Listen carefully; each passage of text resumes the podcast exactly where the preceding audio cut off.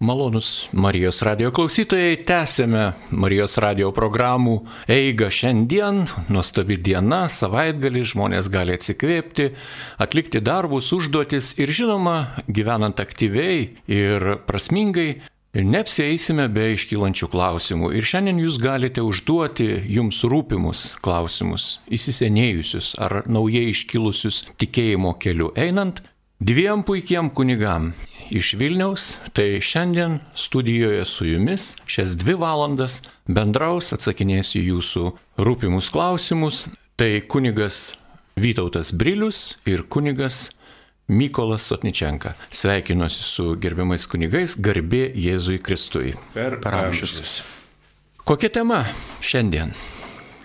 Tema veikiausiai pati rūpimiausia, kuri, kuri jums, brangus Marijos radio klausytojai, yra yra rūpima. E, kunigas Vytautas e, yra teisės mokslų daktaras ir, ir darbuojasi Vilniaus arkiviskupijos bažnytinėme teisme. Yra to teismo teisėjas, aš esu e, to tribunolo notaras, tai iš tiesų, ypač jeigu kiltų... Valandą mes abu esame jūsų atsakovai. Jūs klausit, mes atsakom. Ypač jeigu kiltų galbūt su teisiniai klausimai ar, ar kanonų teisės klausimai, žinoma, yra puikia kunigo Veprausko laida, kuri būna per, per Marijos radiją apie kanonų teisės klausimus, bet ypač iš tos siauros santokos ryties, jeigu turėtumėte klausimų dėl santokos galiojimo ar negaliojimo ar kažkokių detalių, galite drąsiai užduoti klausimus kunigui Vytautui. Na, šiuo metu e, naujai atėjusių žinučių nėra ir skambučių dar kol kas neįsibėgėjo, taigi tikrai aš, Liutauras Serapinas, būsiu toks, na, koordinatorius šių užduodamų klausimų ir liudiju, kad e, jums labai kompetitingai šį kartą galės atsakyti, e, nes kunigai turi didžiulę patirtį, ypatingą misiją atlieka ir naudokitės tikrai šią progą, nes kitą kartą galbūt kunigai kalbės apie parapijinius dalykus ir nebus tokios progos. Taigi tikrai kviečiu nelaukti, o manau, kad tikrai šeima kaip institucija bažnyčia yra labai svarbi ir ši institucija nuolat yra tobulinama, auginama ir atsiradusios įvairios naujos taisyklės ir ką kita ir yra gera proga pasigilinti, paklausinėti. Taip pat bus mažas paketėlis klausimėlių ir likusių iš praėjusių laidų. Tai irgi pakankamai yra svarbu, kad būtų galima kažkaip, na, na atsiliepti į klausytojų pageidavimą, sužinoti kažką ir taip toliau ir taip toliau. Taigi apie šitos klausimus irgi.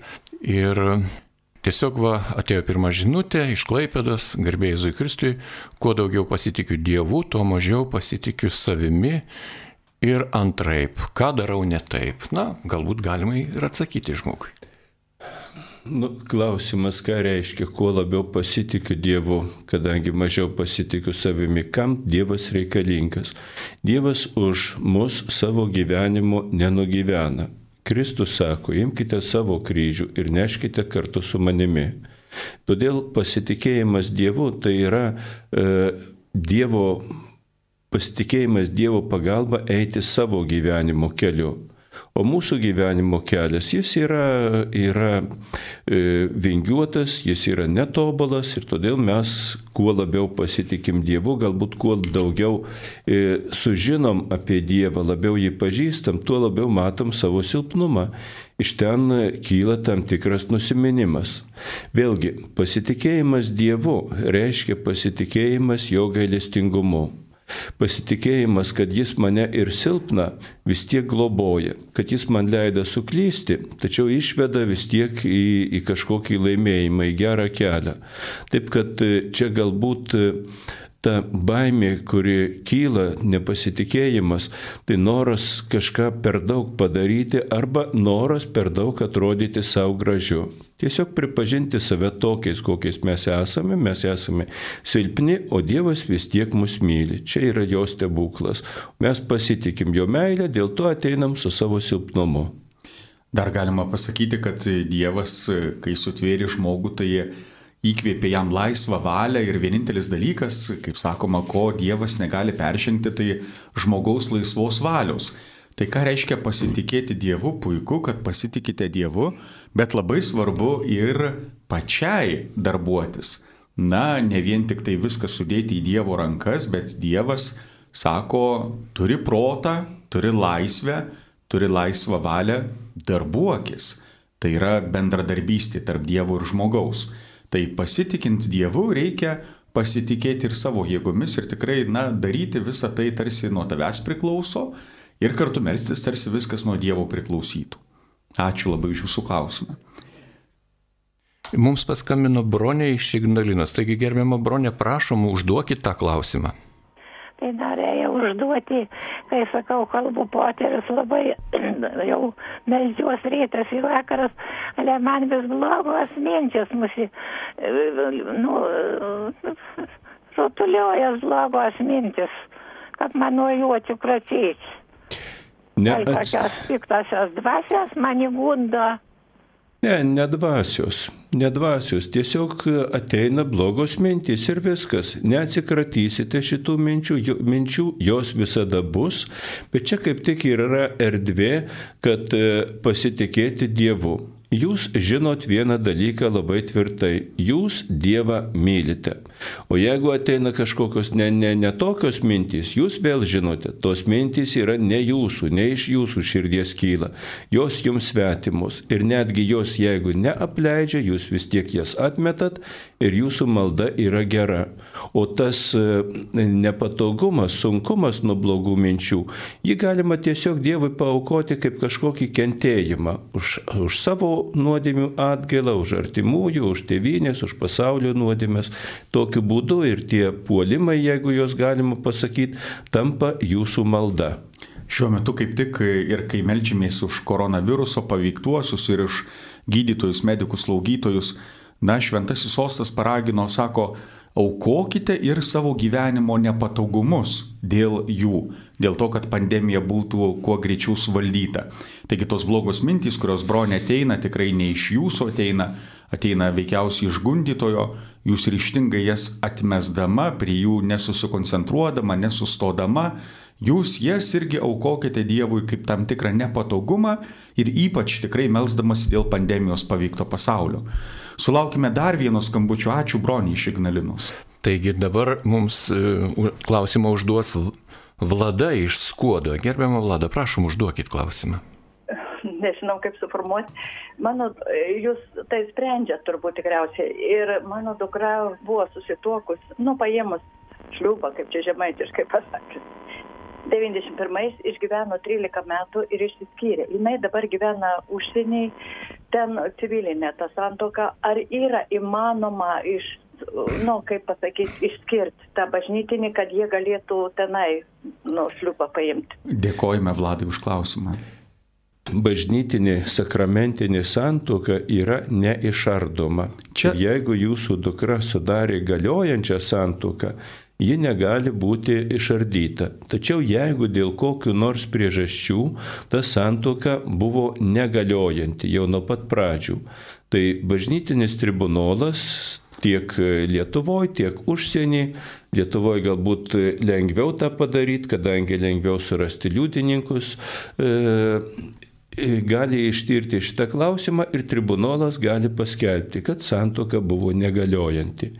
Jie, kol šito paskelbimo e, nėra e, formalaus bažnytinio, tol santoka skaitoma galiojančia ir todėl kitas ryšys yra neteisintas. Vėlgi, jeigu žmogus tikintis yra, net ir gyvendamas, gyvendamas be sakramentinės santokos, o čia jau kyla iš to daugybė kitų problemų, apribojimų kai kurių bažnytiniam gyvenime, žmonėms jautriausia vieta yra šventoji komunija, vis tiek žmogus bažnyčios nėra atmestas. Jis gali gyventi dvasinį gyvenimą, gali melstis, gali dalyvauti parapijos veikloje, gali daryti geruosius darbus ir eiti pas viešpatį. Panašiai kaip žmonės. Vienas neturi klausos muzikinės, vis tiek gyvena gražų gyvenimą. Kitas gal regėjimo prastesnio ir vis tiek gyvena, o kitam vat sakramentų trūksta. Bet jis kitom priemonėm gali tarnauti Dievui. Išklausykime dabar dar vieno skambučio ir dar pabaigsime vieną mintimę atsakyti į Vlados klausimą. Mums paskambino Joana iš Utenos, taigi gerbiama Joana, užduokite klausimą. Gerbėjai Zikristui. Per amžius. Aš noriu paklausti, kai žmogus numiršta, siela eina pas Dievą ar į skaistyklą, bet kai kunigas aukoja mišes ir iš mišiolo skaito, atminkime tuos, kurie pirmiau už mus paliko šį pasaulį ir miega ramybės miegu. Man neaišku, kaip tai miega ir kad miega. Ačiū su Dievu. Miegoti ramybės miegu tai yra e, biblinis pasakymas, labai gražus, toks poetiškas, švelno ilgesio pilnas. E, kalbama apie ramybę nuo šio pasaulio įvairiausių trukdymų. Tačiau nuėjus į viešpaties akivaizdą yra ir neramybės. Neramybė tai dėl, tų, dėl to gėrio, kuris lieka neatliktas, dėl, dėl, dėl to Dievo, kuris buvo nepakankamai surastas ir taip toliau ir taip toliau. Tai va šitą neramybę, šitą kančią Taip pat galima prilygyti e, ir skaistyklos kančiai, taip toliau tai yra išsivalinimo, išsigrynimo, ateimo pas Dievą kančia. E, mes iš viso nežinom, kokiu būdu žmogus jaučia, kokiu būdu jis atlieka savo darbus tada, kai jau būna išėjęs iš šio pasaulio ir gyvena tik tai savo sielos gyvenimu be kūno. Šitų dalykų mes eksperimentiškai nežinome. Mes tik tai bažnyčia tuos dalykus dalinai žino iš apreiškimų visokių, dažniausiai tai privatus apreiškimai, žino iš tam tikros logikos, iš Kristaus pasakymų, iš šventojo rašto, bet taip konkrečiai viską paaiškyti, kad galėtume sudėlioti lentynas, neįmanoma. Esmė yra ta, Dievas visus kviečia pas save, todėl bažnyčia meldžiasi už visus žmonės. E, jie jau šito pasaulio netrukdomi nuo mūsų, jie yra ramybėje, bet nuo savo sąžinės ir blogų darbų jie yra neramybėje. Todėl mes meldžiamės už juos. Galima dar pridėti, kad e, kai jūs, Joana, klausite, kur pirmiausia eina siela, ar pas Dievą, ar iš karto į skaistyklą, na, kiekviena siela stoja Dievo akivaizdon ir kaip kunigas Vytautas štai atsakymo pabaigoje jau ir sakė, kad pati pats žmogus, net ir miręs žmogus, jaučia tokią neramybę. Tai kartais irgi taip poetiškai sakoma, kad tai ne Dievas paskiria dangų, rojų ar skaistyklą, bet pats žmogus pasirenka tiesiog atsistojęs Dievo akivaizdon, pamatęs absoliučią tiesą apie save ir savo žemišką gyvenimą, na žmogus pats žino jau tarsi, kur eiti. Ir jau, jau tarsi, kenčia. Taip, ir jau, ir jau dėl to tikrai kenčia. Taip kaip vaikas, prisidirbęs vaikas ateina pas mamą ir jau sako, iš gėdos neturiu kur akių dėti. Ir jau pats tarsi, na, vats, ta gėda, Tai ir yra toksai tarsi pasirinkimas jau kur eiti. Ačiū Joana Jums už klausimą. Mūsų laukia dar viena klausytoja. Taigi, Danutė, dabar Jūs užduokite klausimą. Mums kamina Danutė iš Šilalės. Gerbėjai Zutristai. Per amžius. Norėčiau paklausti tokį dalyką. Jeigu gyveni tik civilinėje santokoje, ne bažnytinėje, ar galima eiti sakramentų? Išpažintis komunija. Dėkojame Danutė, kaip tik pratesime klausimą ir, ir tą, kurį Vlada uždavė. Vlados iš sklodo klausime buvo toks kertinis žodis skyrybos. Sakė, ar bažnyčia galėtų išskirti mano dukrą, kuri jau gyvena antroji civilinėje santokoje. Tai iš karto reikia pasakyti, kad bažnytinėje terminijoje arba bažnyčios teisėje nėra tokio žodžio kaip skyrybos. Tai, ką kunigas Vytautas pasakojo, bažnyčia tyria ir nagrinėja, ar santoka nuo pat pradžios jau buvo galiojanti, ar buvo kažkokiu keblumų, netikrumų, kad santoka nuo pat pradžios jau yra negaliojanti. Tai reiškia, kad jeigu pragyvenote, tarkim, 13 metų darniai, taikiai ir išsiskyrėte, tai bažnyčioje skirybų tokio dalyko kaip nėra. Bažnyčia nagrinėtų ir tirtų, ar nuo pat pradžios, tai yra nuo santokos sudarimo momento, nuo, pavyzdžiui, 91 metų, ar jinai buvo galiojanti ar negaliojanti. O jeigu neturi bažnytinės santokos, kunigė Vytautai, ar gali eiti sakramentų iš pažinties, komunijos? Gyventi šeimos gyvenimą be sakramentų yra sunki nuodėmė. Todėl žmogus e, negali gauti nuodėmių atleidimo, jeigu tos e, nuodėmės neatsisako.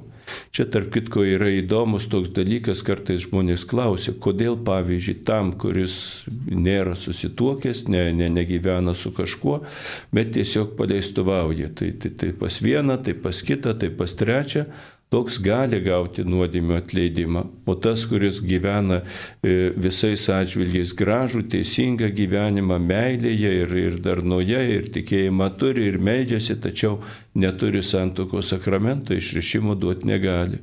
Taip yra todėl, kad šitas žmogus, kuris gyvena šeimo, šeimos gyvenimą be sakramento, jis negali išsižadėti nuodėmės tas paleistuvis jis visada gali pasakyti, jau daugiau nenusidėsiu.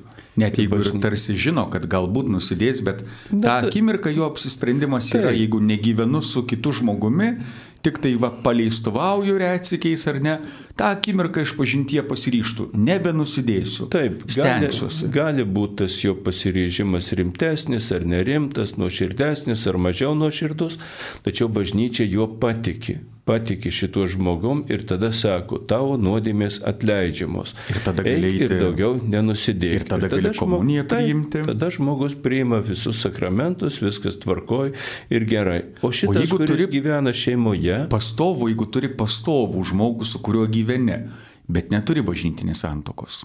Taip, jis, jis negali pasakyti, kad daugiau nenusidėsiu, nes jisai žino, kad sugrįž į tuos namus, kur yra neteisingas gyvenimas. Ir dėl to negalėdamas nuodėmės atsižadėti, jis negali gauti jo, jokio atleidimo. Niekas neatleidžia, neįmanomas atleidimas tada, jeigu yra pasakoma, kad atleisk man, o aš apsisukęs vėl tą patį darysiu. Turi būti, kad aš atsižadu nuodėmės. Ir todėl e, šitų žmonių e, situacija yra tokia, kad jie negali, jie pasilieka sunkioj nuodėmiai. O gyvenant sunkioj nuodėmiai negalima priimti švenčiausio sakramento. E, tai būtų papildoma nuodėmė. Paskui dar yra ki- kitos pasiekmes kai kurios. Kadangi žmonės e, tikintysis yra arba vienybėje su bažnyčia, arba ne vienybė. Jis priklauso bažnyčiai, yra jos narys, bet gali būti e, kaip šeimos narys, gali būti vieni kitus mylintys, gali būti vieni kitų priešai. Toji vienybė su bažnyčia yra trijose ligmenyse. Tai yra tikėjimo vienybė, kai žmogus išpažįsta, pripažįsta visas tiesas, drausminė vienybė, kai klauso bažnytinės vyresnybės ir sakramentinė vienybė. Tai va, šituo atveju santo, šeimos gyvenimo be santokos žmogui trūksta sakramentinės vienybės e, su bažnyčia. Dėl to jis negali ten, e, sakysim, būti krikštatėviu ar krikštamotė, negali, e, negali e, atlikti tų pareigų bažnyčioje, kurios susiję su kitų mokymų, pavyzdžiui, katechetų, negali būti, negali, negali būti pastoracinės tarybos narių patarėjų ir panašiai ir panašiai. Tačiau Visada reikia atsiminti, jeigu tu negali kažkokio vieno padaryti dalyko, gali padaryti daugybę kitų dalykų. Taip ir kuningas Vytautas juos jau vardijo, prieš tai buvęsime klausime, gali ir gailestingumo darbus daryti, ir šelbti vargšus, ir melstis. Ir ačiū už klausimą, sulaukime dar vienos klausytojos ir apibendrinant šitą atsakymą, tol kol gyveni aktyvius šeimos santykius, negali gauti nuodėmių išrišimo. Gali eiti pas kunigą iš pažinties tarsi dvasinio pokalbio, negali priimti komunijos. Jau kada tie tokie šeimos santykiai, intimų santykiai nebeaktualūs arba būna vyresnio amžiaus žmonės ir kada jau gyvena kaip brolis ir sesuo. Net jeigu neturi bažnytinės santokos, bet gyvena kaip brolis ir sesuo. Gali eiti ir iš Tačiau ir tokiu atveju yra apribojimų, kadangi lieka viešas papiktinimas. Tu žinai, kad tu negyveni kaip, kaip, kaip, kaip vyras ir žmona, o žmonės visi aplinkui žino, kad gyveni. Ir iš to kyla sekantis dalykai, bet mes jau turime kitą klausimą. Taip, mums paskambino Živilė iš Kauno, taigi gerbiamą Živilę, ačiū, kad lukterėjot, užduokit savo klausimą. Garbėjai Zikristai. Per amžius. Klausimas į tą pačią temą ir man labai aktuali tema, kurią uždavė prieš tai skambinusi klausytoja. E, mano šeiminė situacija yra tokia, kad vyras paliko šeimą dėl kitos moters ir realiai mes jau kartu nebegyvename. E, santoka buvo civilinė, joje išgyvenome 10 metų ir aš per tą laiką nedalyvavau bažnytinėme gyvenime. Vyras taip pat, jisai e, iš tiesų nėra tikras krikščionis katalikas. Bet dabar, kai situacija taip susiklosti, aš grįžau į bažnyčią ir mano klausimas yra, ar aš galiu dalyvauti tam aktyviam krikščioniškame gyvenime ir priimti sakramentus. Nes kadangi aš tikrai esu pasiryžusi daugiau su to vyru civilinėje santokoje nebegyventi, bet problema yra tame, kad vyras šiuo metu stabdo skirybų procesą ir mes techniškai esame neišsiskyrę ir nežinau, ar tai kada nors pavyks, nes jis tiesiog dabar vilkina procesus ir tie popieriai mūsų yra nesutvarkyti. Jūs e, buvote sudarę tik civilinę santoką. Taip, bažnytinė santokos sakramento nebuvo. Supratau. O jūs, Živilė, ar šiuo metu gyvenate su kitu žmogumi, ar gyvenate E, viena? Ne, aš turėjau tik vieną vyrą ir mano krikščioniškas požiūris yra, kad tas vyras buvo, yra ir bus tik vienintelis vyras mano gyvenime, bet aš su juo daugiau nebegyvensiu. Jeigu jis kada nuspręs grįžti, tai tokiu atveju santoką reikės tvarkyti, taisyti ir priimti bažnytinę santoką, bet tai realiai yra neįmanoma, nes vyras kalba apie budizmą ir visokius kitus dalykus. Dabar aiškus maždaug dalykas ir tai ne, nėra, nėra sunkus jūsų atvejis, tai yra, kurį galima gana nesunkiai pataisyti. Pagal bažnytinę teisę jūs su savo vyru, su kuriuo civilinė santoka yra, esate nesusituokę.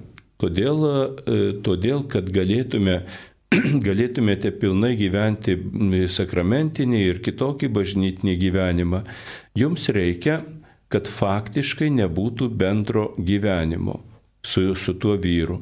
Jeigu su, kai jūs nebegyvensite, o gal jau nebegyvenate su juo viename bute, kai jau neturėsite bendros viso gyvenimo būties ir visa kita, tada jūs pilnai galite e, dalyvauti visuose sakramentuose.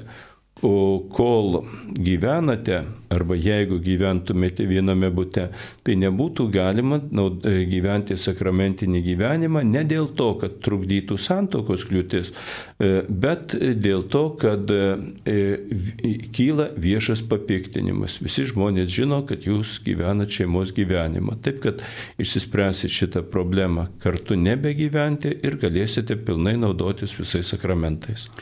Dėkojame kunigė Vytautai Jums už, klaus, už atsakymą ir Živilė tokį tikrai e, įdomų dalyką pasakė pačioje savo klausimo pabaigoje. Sako, jeigu vyras norėtų sugrįžti, aš norėčiau sudaryti bažnytinę santoką, bet tai veikiausiai būtų neįmanoma, nes vyras nenorėtų, jis domisi kitais dalykais, jam krik- krikščioniškas dalykas yra nesvarbus. Kunigi Vytautai pasitaiko tikrai tokių, e, tokių situacijų, kada žmonės gyvena civilinėje santokoje, bet viena pusė griežtai atsisako sudaryti santokos sakramentą, sako, man tai nerūpi, aš to nenoriu. Ką galėtų daryti toj katalikiškoji pusė šiuo atveju? Yra įmanoma, kad katalikiškai san- e, pusiai šioji santoka būtų pripažinta galiojančia. E, Tuo atveju, jeigu nekatalikiška pusė, kuri atsisako priimti sakramentą, e, pripažintų esminės krikščioniškos santokos savybės ir esminius elementus. Tai būtų santokos vienumas ir neišardomumas. Vienumas apie tai, kad vienas vyras ir viena žmona, neišardomumas, kad santoka visam gyvenimui. O paskui tie dalykai, kuriuos, e, skaitykime, yra prisiekiama santokos apieigų metu. Tai meilė, ištikimybė, pagarba ir pagalba vienas, kit, e, vienas kitam.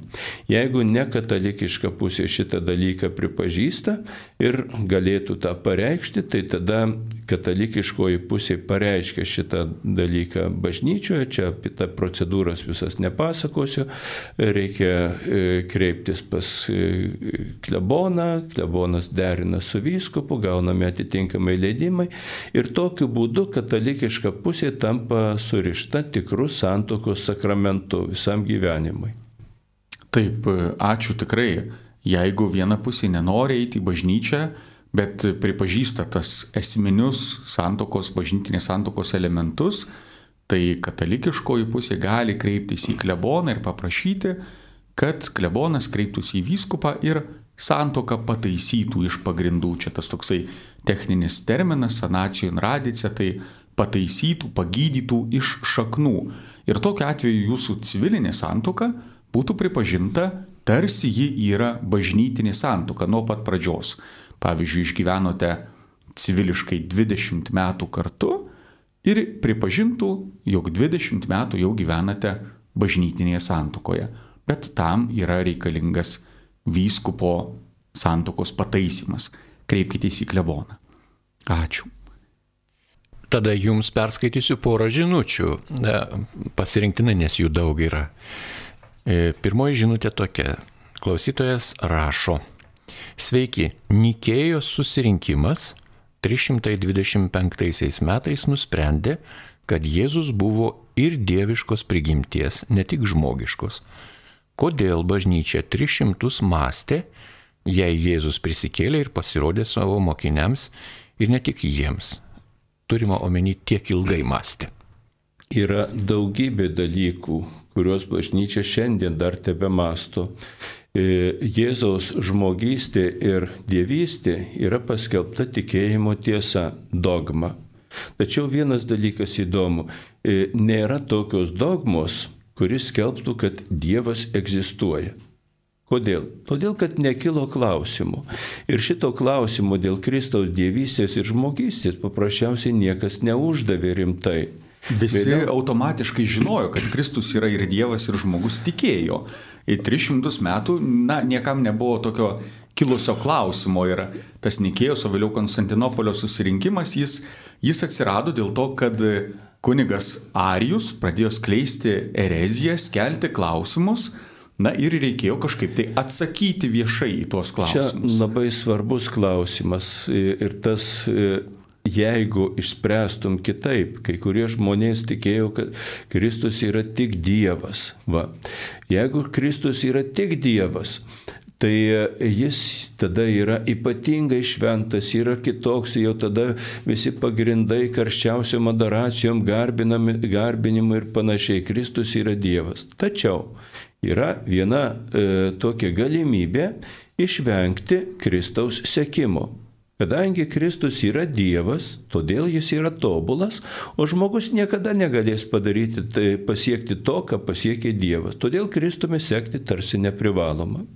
Jeigu Kristus yra tik žmogus, juo sekti galima, tačiau ar būtina, kadangi jis yra tik žmogus, šventas, galingas, dėdės ten e, Dievo įkvėptas, Tačiau galima tada ginčytis, kodėl aš turėčiau daryti būtent kaip, kaip, kaip jis.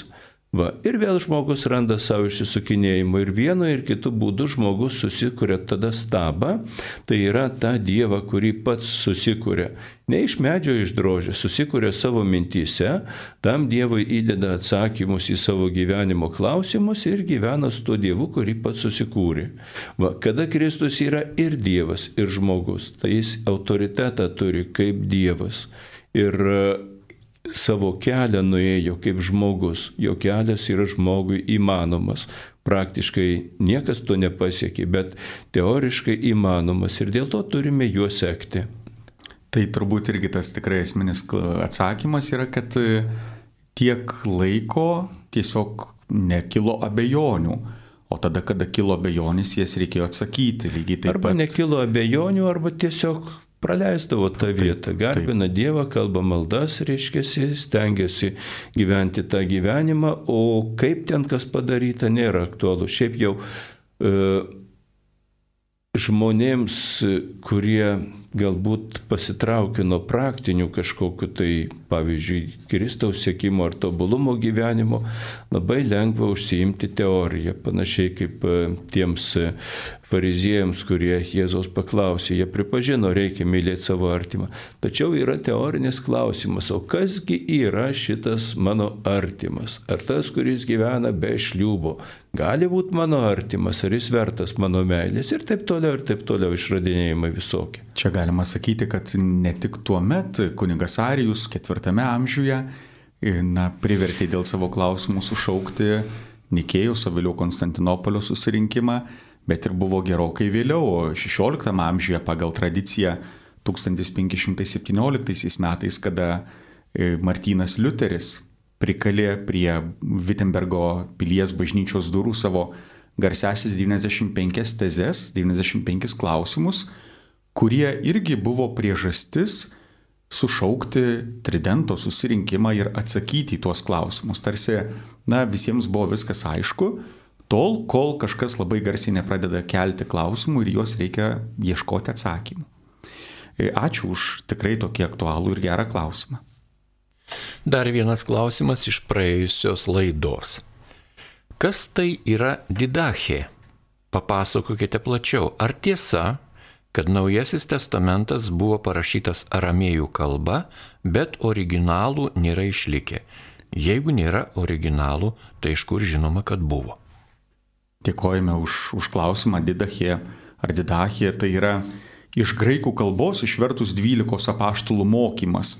Tai toks yra vienas pačių seniausių krikščionybės dokumentų, kuriame atsispindi pirmosios krikščionių bendruomenės gyvenimas, papročiai, liturgija, teisinės tam, tam, tam tikros normos ir pilnas didachės nuorašas senovės graikų arba ta koine kalba, jis buvo atrastas tik tai XIX amžiuje Stambule.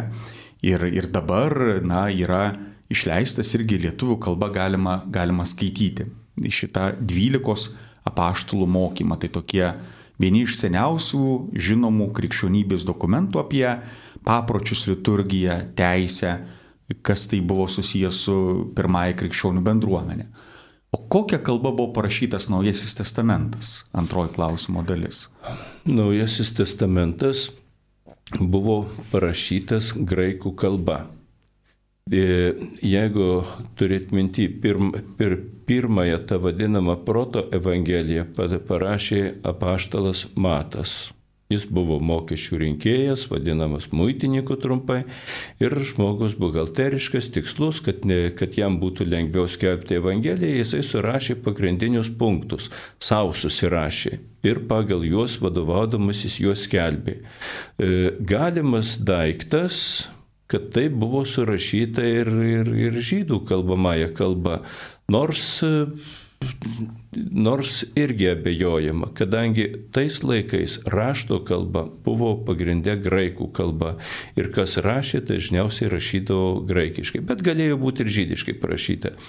Vėliau reiškia, kada apaštalui Petrui pradėjo ateiti klausimai, kad e, vieni ten vieną dalyką truputį vienai paaiškina, kiti kitaip atsimena. Tada e, Petras pasakė savo e, sekėjui, padėjėjui, mokiniui Morkui, tu paimk viską ir surašyk taip, kaip mes skelbiam.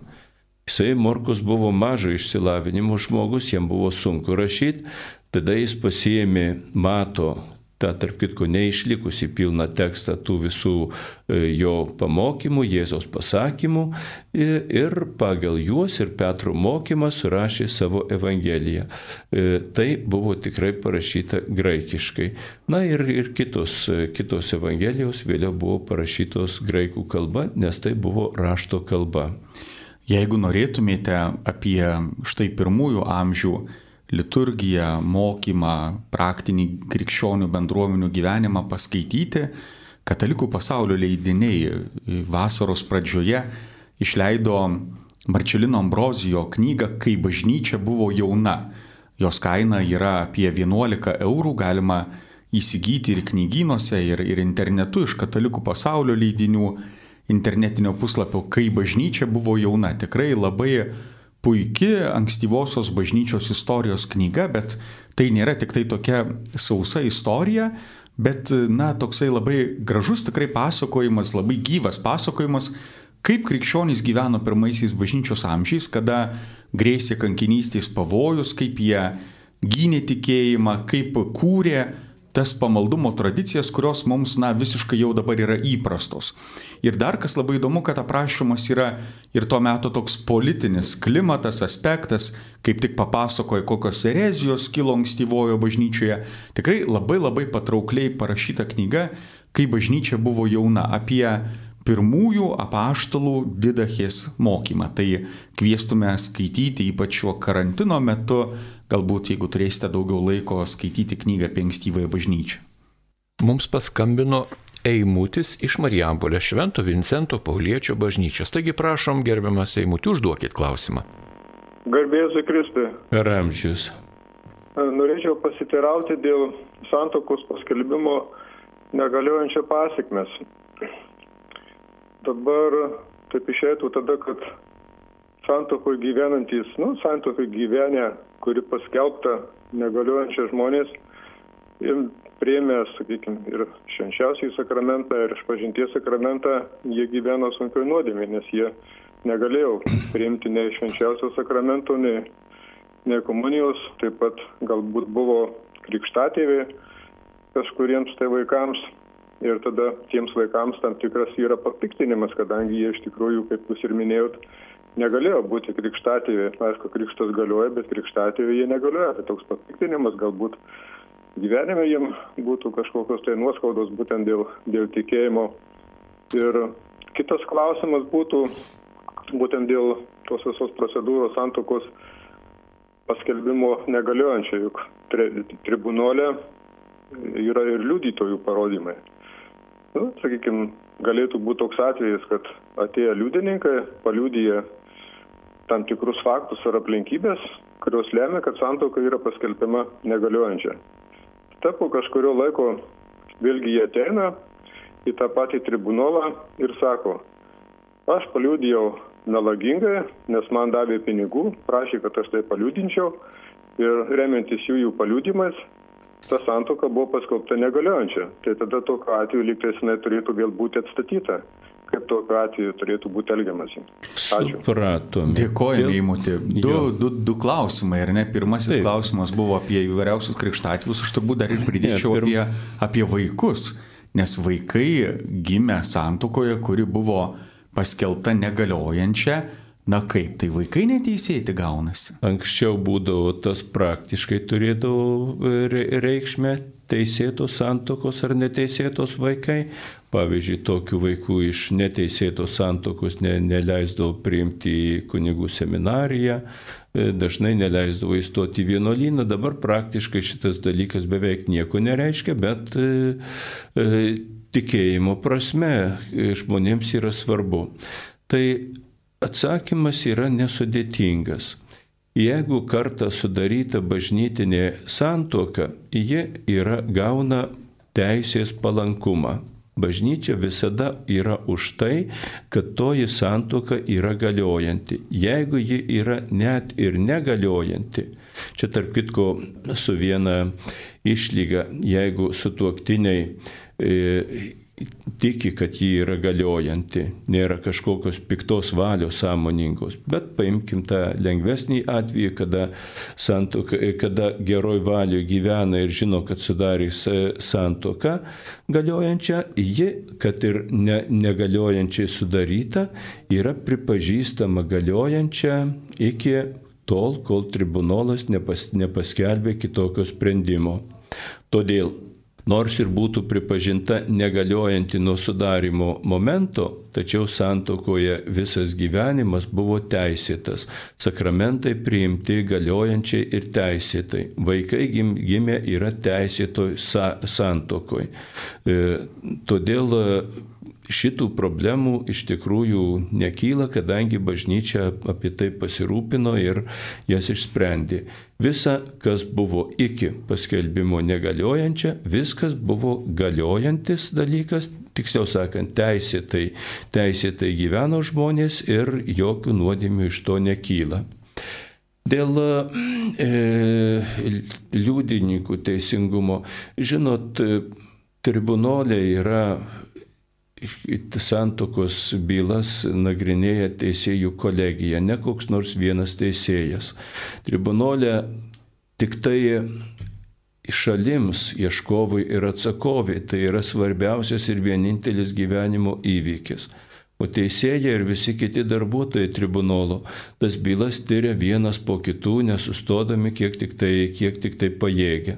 Ir todėl išmoksta atskirti pelus nuo grūdų. Ir, ir kai sulygini tą visą kontekstą su liudininkų parodymais ir taip toliau, tikrai kartais jaučiamasi, kad liudininkai arba nesuvokia, arba jaučiama, kad ir samoningo melo pasitaiko, nebūtinai dėl pinigų tikriausiai, tiesiog žmogus serga už savo komandą, už kažkokią šalį ir jam viskas gali taip atrodyti. Bet žinokit, šitie dalykai labai pakankamai aiškiai matomi. Va. Ir apgauti sunku, bet jeigu kartais taip išaiš, išaiškėtų, tai tada galima, galima pradėti kitą procesą, Tam neužtenka, kad ateitų liudininkas ir prisipažintų kažką tai tokio, parašytų raštu, panašiai ir panašiai. Bet turėtų tas liudininkas arba, arba kažkas kitas kreiptis į tribunolą kaip šalis ir pareikalauti, paprašyti, kad tas sprendimas būtų peržiūrėtas. Kitaip, kart, kitaip kalbant, kad būtų byla ištirta iš naujo ir taip toliau. Yra tokia galimybė, bet jinai labai mažai tikėtina praktikoje. Dėkojame kunigui Vytautui. Mums skambina Danutė iš Vilnius, taigi gerbiama Danutė, užduokite klausimą savo.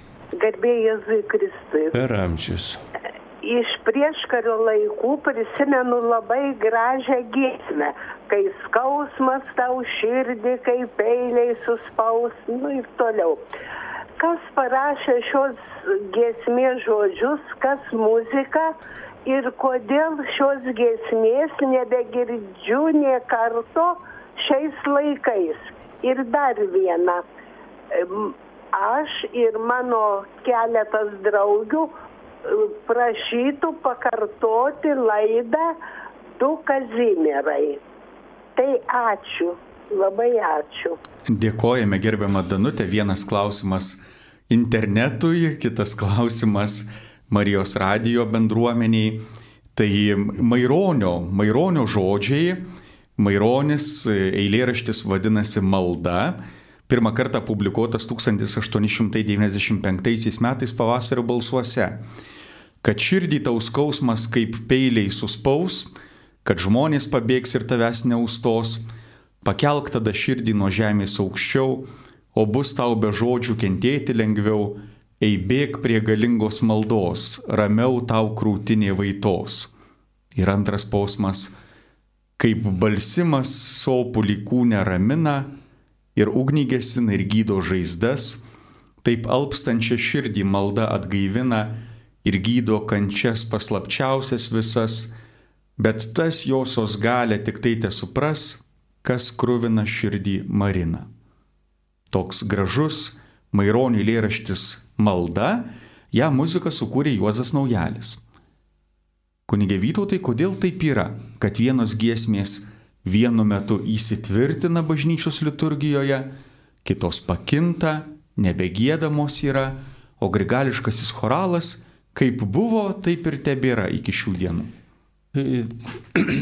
Giesmės yra aktualus dalykas, yra panašiai kaip ši Maironio giesmė, tas tekstas, tarp kitko ir muzika labai jautri paliečia žmogaus širdį.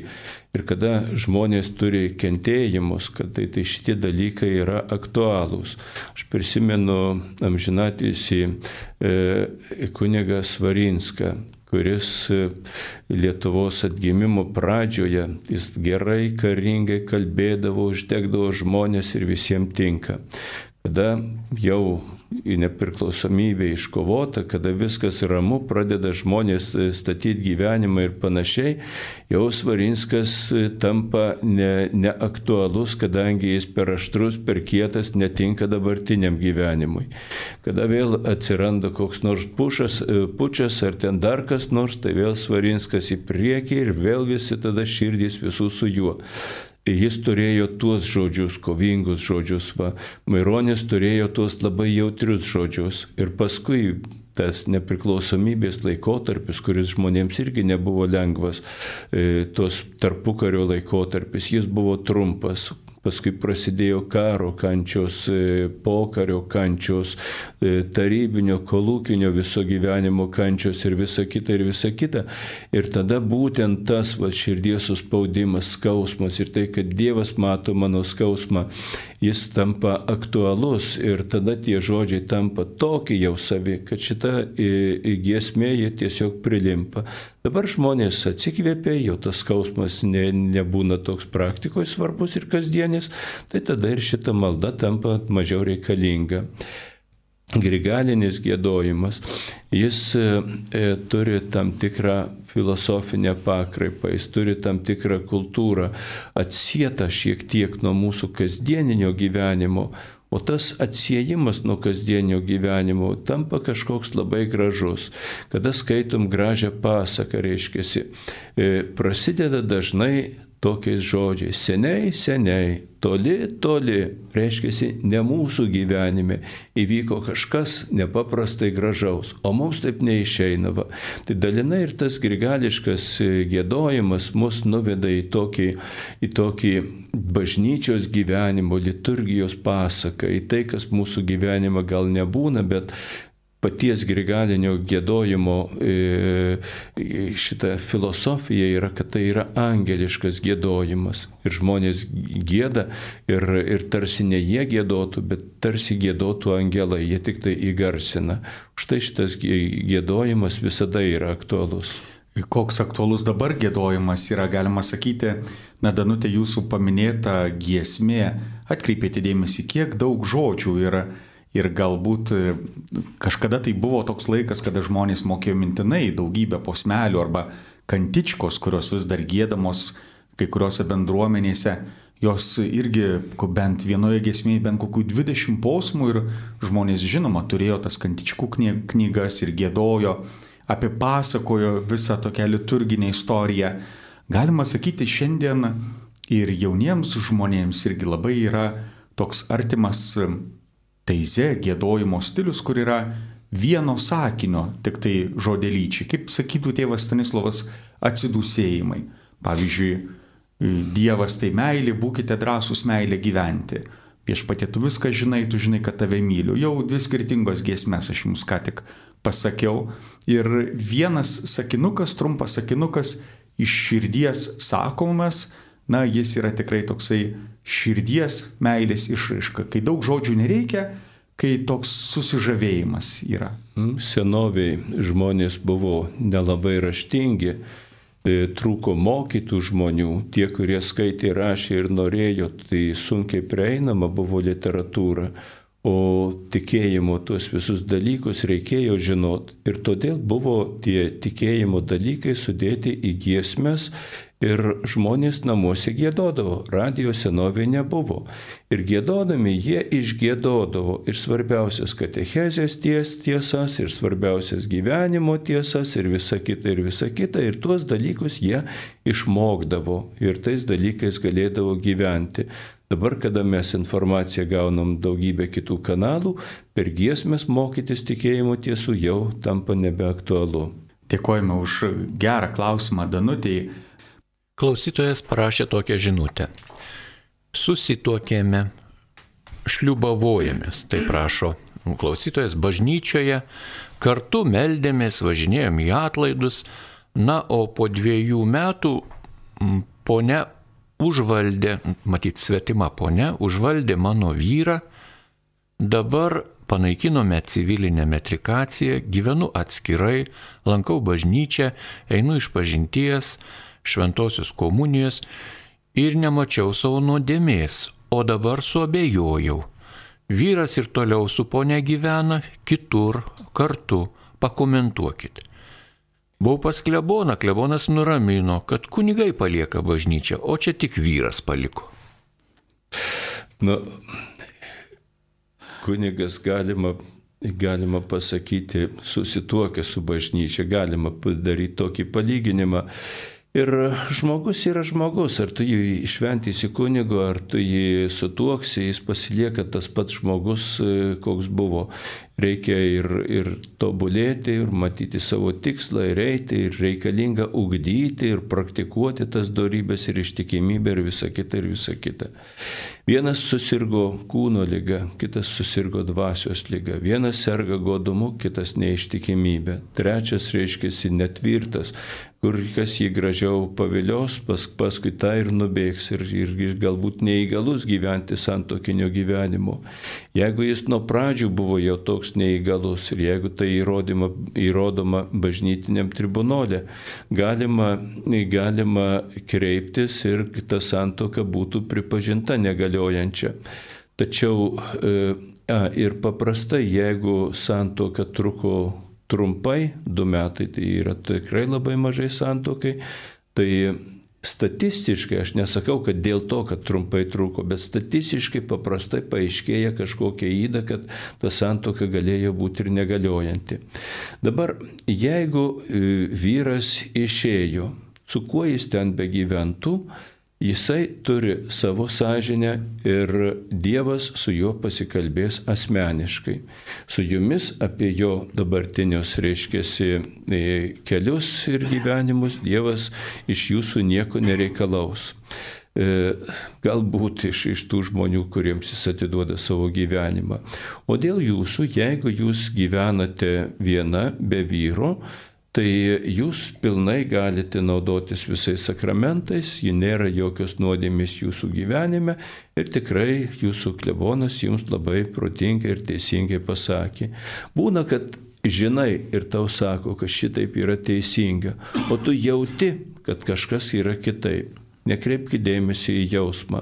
Jausmas, aišku, jisai jaučiasi, kartais padeda, kartais trukdo, žiūrint, koks jausmas, kokiai situacijoje, tačiau žiūrėkite e, faktinės dalykų e, padėties ir klausykit bažnyčios. Klusnumas bažnyčiai labai labai daug e, problemų žmogui išsprendžia. Ačiū Dantai už klausimą. Turime dar vieną skambutį, mums paskambino sesinį Jolė Felicija iš Vilniaus. Taigi gerbiama sesinį Jolė, užduokit klausimą. Garbėjai Kristai. Per amžius. Čia karštam komentarė labai gera redaktorė yra Gedregorinė ir žiūriu gaunu aš tą laikraštį Vitenio, Vitenio Paulausko straipsnis homos, homoseksualų įtakai pasidavė net popiežius.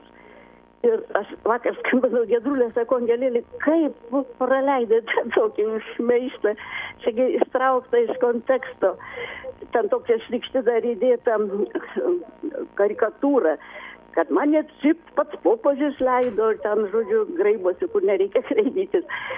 Tai, va, aš norėčiau sužinoti, kur visą tekstą galima perskaityti švento tėvo, o ne tą kažką ištrauktą melagingai propagandai. Dabar pirmiausia tai apie e, popiežiaus pritarimą homoseksualams arba aplamai bažnyčios požiūrį į, ta, į tuos dalykus.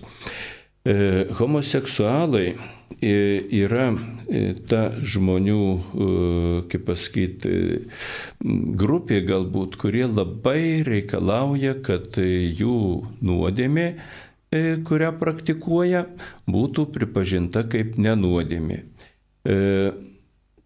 Taigi, kad būtų pripažinta kaip nenuodėmė. Pirmiausia, kas yra homoseksualumas? Tai yra potraukis tos, paties, tos pačios lyties e, asmeniui. Tai potraukis nėra jokia nuodėmė. Visokių gali būti, tai yra jausmas toks. O jeigu, pavyzdžiui, skirtingos lyties e, asmeniui, ar ne, kaip čia prieš tai buvo klausimas, įsimylėjo žmonės, susitokė ir taip toliau, ir taip toliau, vyras turi labai teisingą potraukį būtent moterims, tačiau jau dabar nebe savo žmonai, o kitai moteriai. Tai ką tada pripažinti, kad tas yra teisingas jo potraukis. Jeigu jisai jaučia potraukį ne žmonai, o kitai moteriai, tai čia yra jo teisė. Nėra jo teisė. Ir žmogus žino, kad jis gyvena neteisingą gyvenimą, nors potraukis yra teisingas. Kitas potraukis gali būti prieš prigimtį kaip homoseksualų, va, e, tačiau jeigu žmogus kovoja su tuo potraukiu, vėlgi kova su potraukiu, kova su polinkiu, tai yra žmogaus kelias. Kelias reiškiasi e, per sunkumus, būna ir laimėjimų, ir pralaimėjimų, kada sekasi, kada nesiseka, bet žmogus turi savo kryptį. Tarp kitko, Jėzus yra pasakęs, būkite tobuli, kaip jūsų dangiškasis tėvas yra tobulas. Tai yra įsakymas kiekvienam iš mūsų, bet mes ne vienas nepasieksime šito, kadangi neįmanoma būti dieviškai tobulu. Iš principo, kalba eina ne apie mūsų gyvenimo praktiką, kalba eina apie gyvenimo idealą. Ir tas žmogus, kuris turi savo potraukį, bet žino, kad jis yra neteisingas, kad reikia e, saugotis jo nerealiai, realizuoti, kad reikia stengtis ir, ir neskleisti blogio, jis labai teisingai elgesi, nors gali būti ir nupolimų, ir vėl prisikėlimų. Tas, kuris nori įteisinti nuodėmę, jis nusideda ir nusideda labai rimtai ir giliai. Vėlgi, Nuodėmės įteisinimas. Mes neimkim atskiros izoliuotos nuodėmės. O jeigu žmogus nemyli kitų žmonių, jeigu žmogus greuna save ir kitus, būna tokių žmonių, pavyzdžiui, kurie susirga dvasiškai, e, jie nu, sakysim, pasiduoda savo jausmams visokiams, pradeda gerti, pradeda, pradeda naikinti, greuti savo šeimas, netenka visko, atsiranda patvory. Ir savo gyvenimo keisti jie nenori. Tačiau būtent bažnyčia ir tikintieji jiems padeda išgyventi, padeda, kad jie turėtų pačią gyvybę, padeda, kad, kad jie turėtų kažkokį tai e, kažkokį tai pagalbą, kažkokius tai užtikrintų poreikius ir kad nesijaustų, nesijaustų bažnyčios atstumti. Nors jie tikrai gali visiškai neišsižadėti savo nuodėmės, visiškai pasilikti ir sakyti, kad va mano gyvenimas teisus ir aš teisingai darau šitaip. Va, bažnyčia, bažnyčia pripažįsta, kad jie klysta, tačiau jais rūpinasi. Ir popiežius e, pripažįsta ir skelbia, kad, kad tas homoseksualus gyvenimas yra neteisingas, tai yra klaida. Tačiau kaip žmonėmis jais rūpinasi. Ir šitas, kur pasakymas apie užtikrinimą kažkokiu ten jų civilinių teisų ir panašiai ir panašiai, tai tiesiog yra pasirūpinimas, kad e, gyvendami tą bendrą gyvenimą, jie visi vieni kitų neapvaginėtų, vieni kitų nenuskriaustų, nes ir bendrą gyvenimą gyvenant, net ir šeimose būna, kad vieni kitus nuskriaudžia, išnaudoja ir panašiai ir panašiai. Žodžiu, nuodėmiai nepritarė popiežius. Tačiau, e, tačiau e, to gyvenimo nepateisindamas, jis kviečia, kad bažnyčia jų netmestų kaip žmonių ir elementariais jų gyvenimo dalykais būtų pasirūpinta. Dėkojame už atsakymą kunigui Vytautui, sesė Nijolė, e, Felicija klausė ir kur galima rasti tą, tą, tą dokumentą. Tai na, iš karto galima sakyti, kad Šventojo sosto valstybės sekretoriatas išplatino šį aiškinamąjį dokumentą ambasadoriams, inuncijams. Tai šis dokumentas buvo skirtas jiems ir vienas nuncijus jį išplatino savo, savo Facebook'o paskyroje. Tai todėl jis, na, kaip nebuvo viešai kažkaip paskelbtas, jis buvo pirmiausia paskelbtas e, savo ambasadoriams ir nuncijams. Ar norite toliau, kad skaityčiau jums žinutės, nes jų yra gal koks, na, apie 20. O gal vis tik tais padarykite trumpą muzikinę pertraukėlę, turbūt taip, gerbiamas kunigė Mykolai, gerbiamas kunigė Vytautai. Pritarė, taip? Pritarė. Ir manau, kad radio klausytojai tikrai supras jūs, nes atsakinėti į klausimus ir valandą ne, nepakilti nuo kėdės yra tikrai, na, nelabai ne reikalinga. Biški reikia pajudėti. Taigi jums šiuo metu skambės Solideo kūrinys tavo kelias ir jis skambės apie kokias keturias minutėlės, tai jūs gerbiami radio klausytojai irgi nueikite ten, kur reikia nueiti, grįžkite vėl į, į šią nuostabę radio laidą kurią jums transliuoja Marijos radijas. Taigi likite su Marijos radiju, o dabar kviečiame trumpam pasiklausyti muzikos. mano sielos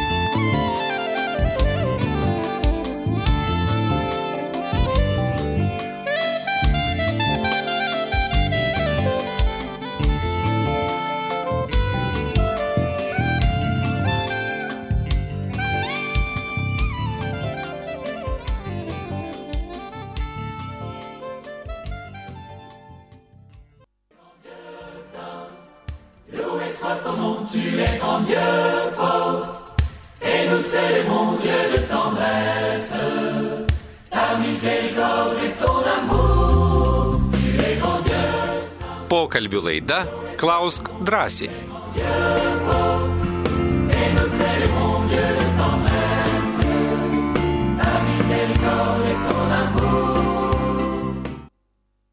Malonus Marijos radio klausytojai, tęsėme laidą po muzikinės pertraukėlės. Tikrai ačiū už atsiustas žinutės ir skambučius, kuriuos jūs atliekate ir skambinate čia į Marijos radijos studiją. Šioje studijoje šiuo metu su jumis į jūsų klausimus ir atsako du kunigai. Tai kunigas Vytautas Brilius ir kunigas Mykolas Sotničenka.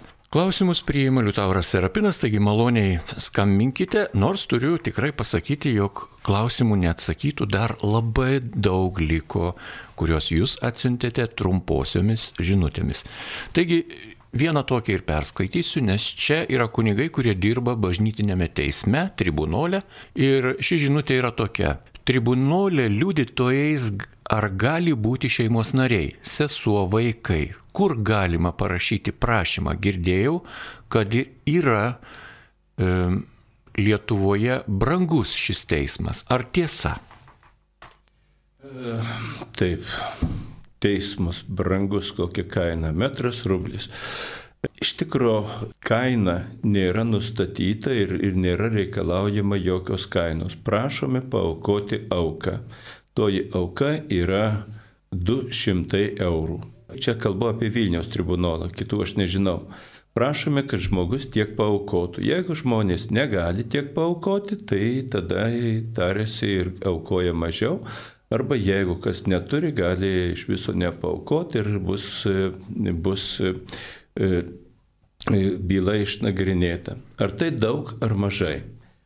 Paskaičiuokit, kiek jums kainuoja nueiti pas advokatą ir paprašyti, kad parašytų pareiškimą kažkokį. Vien tas turbūt kainuos, aš nežinau, kiek skirtingos kainos advokatų būna tokių, kad, kad ten ir už perskaitimą popieriuko paprašys nežinia kiek pinigų. O čia yra ir, ir, ir konsultacijos, ir teisėjai, ir notarai, ir raštų siuntinėjimai, ir algų mokėjimai, ir patalpų išlaikymai, ir visa kita, ir šitos aukos prašome už visą procesą. Taigi, taigi tai yra auka, žmonės prisideda, vėlgi ta auka turi tam tikrą tam tikrą ir auklėjimą į pobūdį, nes jeigu visai nieko neprašytum, tai tiesiog daugybė nelabai adekvačių žmonių e, užverstų savo ne, ne, neprotingais pareiškimais tas, tuos tribunolus. O kas kur, galėtų būti liudininkais? Kas galėtų būti liudininkais? Liudininkais gali būti bet koks žmogus, kuris gerai išmano tą situaciją. Taip, kuris turi vertingos, reikšmingos situacijos. Negali būti, kadangi kalba eina apie santokos sudarimą, Tai esmė viso to, kas ten per žmonės tą santoką sudarė, kaip, kai, kokio jų buvo jų branda, kokia buvo jų draugystė, kokie buvo santykiai, kokios aplinkybės ten dėl, dėl, dėl būna, kad verčia kažkas tais ar asmenys aplinkybės sudaryti santoką. Todėl, ši, ai, kaip jie gyveno iš karto susituokę, kaip atrodė Todėl šitų dalykų tikrai negali paliūdyti jų vaikai, nors žmonės kartais norėtų vaikus pasikviesti. Nelabai tinka tie liudininkai, kurie, kurie e, žino viską tik tai iš kažkurios šalies. Nu čia su tam tikrom išlygom. Va. Žmogus turi teisę pristatyti šalis, turiu minti proceso šalis, ieškovas arba atsakovas, turi teisę pristatyti tuos liudininkus, kurie jo manimu gali suteikti reikalingos informacijos. Tribunolas gali pasikalbėti, paprašyti kai kurių liudininkų atsakyti, atsisakyti arba pakeisti kitaip, paprastai viską paaiškina, gali kai kurių liudininkų net ir nepriimti liudyti. Tai tikrai taip, kaip jau tikrai ne vieną kartą minėjome, kad bažnytiniam teismui yra svarbiausia tai, kas buvo santokos pradžioje kas dėjosi draugystės metu ir pirmaisiais santokos metais. Tai todėl ir, ir liudininkai turėtų geriausiai žinoti apie pačią pačią draugystės pradžią. Kaip kuningas Vytautas ir sako, dažniausiu atveju vaikai nežino, nebent jau vaikai buvo suaugę tik, ir tik tada tėvai sudarė pažintinę santoką. Ačiū už šį, šį aktualų klausimą. Turime porą skambučių. Taip, šiuo metu skambina net du. Tai Petras iš Panevežė ir Algis iš Utenos. Tai paprašysiu Algį truputį palaukti, o Petrui iškart suteikiu galimybę. Gerbiamas Petrai, užduokite savo klausimą. Garbėsiu Kristų. Ir amžius. Čia jūs, kaip sako, senai susituoki, Bet aš nežinau, kad jį kvaila buvo. Nesakė, nei tėvai, niekas iš garbino iš namų, gyvena kažkur ir iš visi yra beprotė. Nieko ni- nedirba, nieko, ni švaros, nieko, ni verda valgyti, nieko, ni savo nemoka virt valgyti, nieko, ni plaut drabužių, nie, nieko nemoka. Ar tingi, ar nemoka ir neišmano, nesusigaudo. Kvailas, esu pasakė, yra kvailas, sako. Aš pats mačiau, kad kvaila partu. 40 metų čia aš gyvenu ne, ne kalėjime, aš pragarė gyvenu juo. Tai Petrai, koks jūsų klausimas dabar būtų? Nu, tai čia aš su kuni- kunigais kalbėjau vienu kitu panvežę, sako, pasimušmu, šmutkis ir išeik, sako, negyvenk, sako, tu beprotė. Viskas čia nesiskaito joks šliubas, jokios vestuvės. Mhm. O kodėl neišeinat? Neišeina, taigi, kur, ant lauko pašalai gulėt kažkur. Ne, ne, neturi nei giminių nieko, man 81. O kur man Mhm. išeiti, aš, aš ir dabar va noriu išeiti, bet neturiu kur išeiti. Žinot, jūs jau esat labai suaugęs žmogus, daug metų turit, labai ilgai išgyvenot, gražiai išgyvenot, nepaisant to, kad reiškia, jums žmona atrodo kvaila. Ir yra tokia pagodos mintis. Tikrai didesnę pusę jau atlikot, garbingai išnešit, jau tikrai liko mažiau. Duok Dieve jums sveikatos, jėgų, išminties, kantrybės ir tikrai išnešit ir lygi galo. Prašykit maldos, melskitės, galbūt mišiuose savo žmoną prisiminkit. Ačiū Petrai už jūsų klausimą ir pastebėjimą. Ačiū Petrui už pasidalinimą, o dabar, gerbiamas Algi, ačiū, kad lu- lukterėjot, užduokit savo klausimą. Taip, garbė Kristui. Per amžius. Aš noriu paklausti, Mato Evangelijoje, kur parašyta Jėzaus gundimas, ten pasakojimo daly ketvirtoji dalelė. Prasideda, paskui Jėzus buvo dvasios nuvestas į dykumą, kad ten būtų gundomas. Kokia dvasia jį nuvedė į dykumą? Dvasia parašyta iš didžiosios raidės. Šventoji dvasia. Šventoji dvasia jį nuvedė į dykumą ir šitie gundimai buvo reikalingi tam, kad e, parodytų, kad Jėzus tikrai buvo žmogus ir patiria viską, ką patiria žmogus. Ir suveikia dar kitas e, toksai, kaip pasakyti, dėsningumas, galima sakyti, nedėsnis. Kas veža, tam krauna. Abraomas buvo nepaprastai tvirto tikėjimo, dėl to jam Dievas davė tokių išbandymų, kad normaliam žmogui neįmanoma. Ir Jėzus e, e, turėjo tikėjimą, vienybę tą visą su dieviškumu. Ir vėlgi ne dėl jo. Galbūt velnės ir, ir tikėjosi, gal jis ne viską žinojo apie Jėzų, kad pasiseks jį sugundyti. Va. Tačiau dėl mūsų yra parodyta, kokie ten gundimai, kaip reikia atsakyti atsispirti gundimam. Taigi dvasia nuvedė, kad Jėzus parodytų, kaip mes turime elgtis gundimų akivaizdoje. Dar vieną žinutę perskaitysiu. Sveiki, prašome išvardinkite pagrindus, kuriais remiantis bažnytinė santoka yra pripažįstama negaliojančia. Tai prašo klausytojas, ačiū. Na, yra vienas toksai teisminis dėstymas. Įrodymus pateikia šalys. Va. Bažnytinis tribunolas neieško ir neįrodinėja, dėl ko čia ta santoka galėtų būti negaliojanti. Tas, kuris kreipiasi dėl negaliojimo, jis pats turėtų žinoti, dėl ko ta santoka gali būti negaliojanti.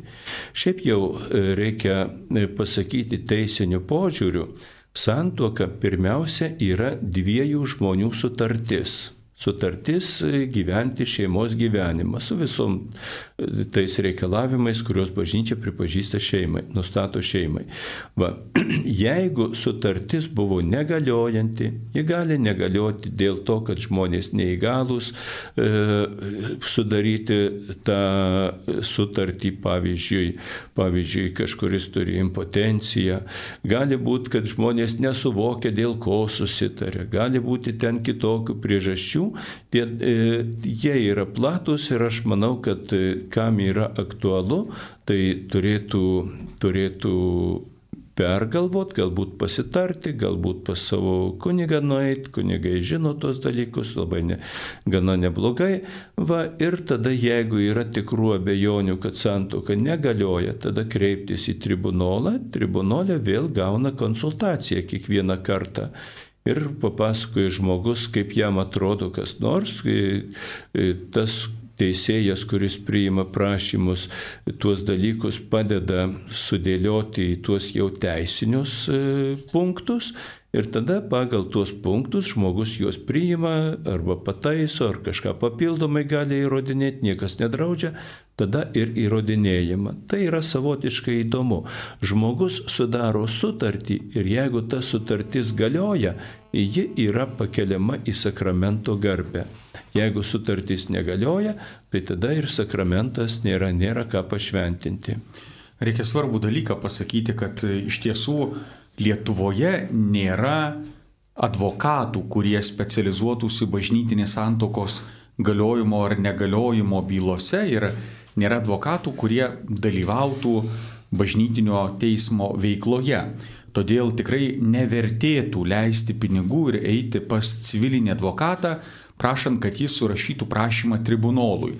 Kai kurios advokatų įmonės tuo užsima, pasiūlo, bet tikrai neverta to daryti. Kaip kunigas Vytautas ką tik ir sakė, ateikite su savo klausimais, su savo abejonėmis, su savo reikalais ir su savo pasakojimu tribunolo darbo metu, tada, kada yra paskelbtos prieimimo valandos, ateikite į tribunolą, toje vyskupijoje, kur jūs gyvenate, arba kur buvo sudaryta santoka, ir pasipasakokit, išsikalbėkit.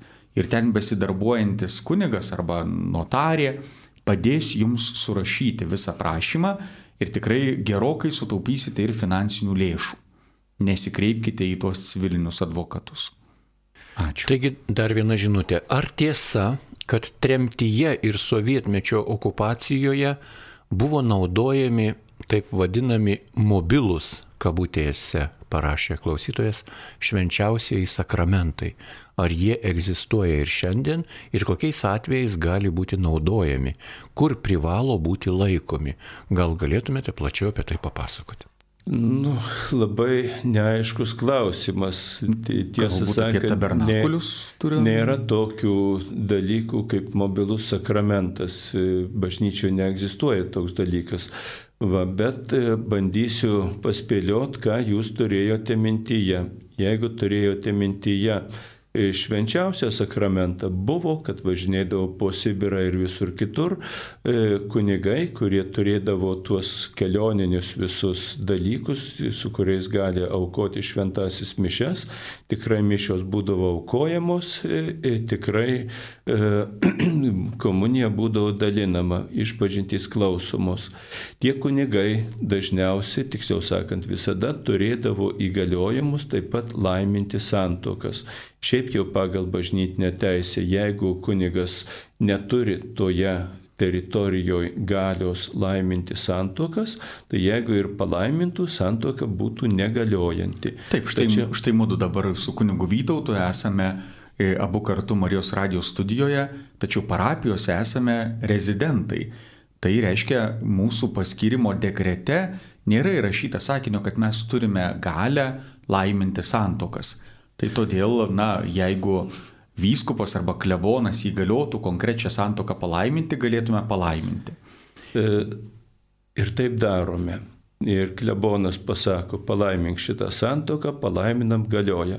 O tais laikais tarybiniais kunigai gaudavo iš viskupų, taip pat gaudavo iš, iš apaštalų sosto įgaliojimus ir galėdavo tose plačiausiose teritorijose visus e, sakramentus teikti. Galbūt šitą dalyką galima būtų įsivaizduoti kaip kažkokį mobilų sakramentą. Veikiausiai, nes ir dabar irgi kažkas panašaus vyksta įvairiose stovyklose arba žygiuose, katalikiškose renginiuose, kur netgi žygio metu kažkur palaukiant akmens būna aukojamos mišios ir, ir teikiami sakramentai, žinoma, tuo atveju, jeigu gavęs esi vyskupo leidimą. Pats kunigas iš savęs negali jaunųjų sutuokti kur nors pajūryje arba aukoti mišes ant apverstos valties dugno. Ačiū už labai gerą klausimą, atsiprašome, jeigu jo gerai ir nesupratome. Ačiū už gražų atsakymą. Mums skambina Elena iš Vilnius. Taigi, gerbiama Elena, ačiū, kad palaukite, užduokite savo klausimą.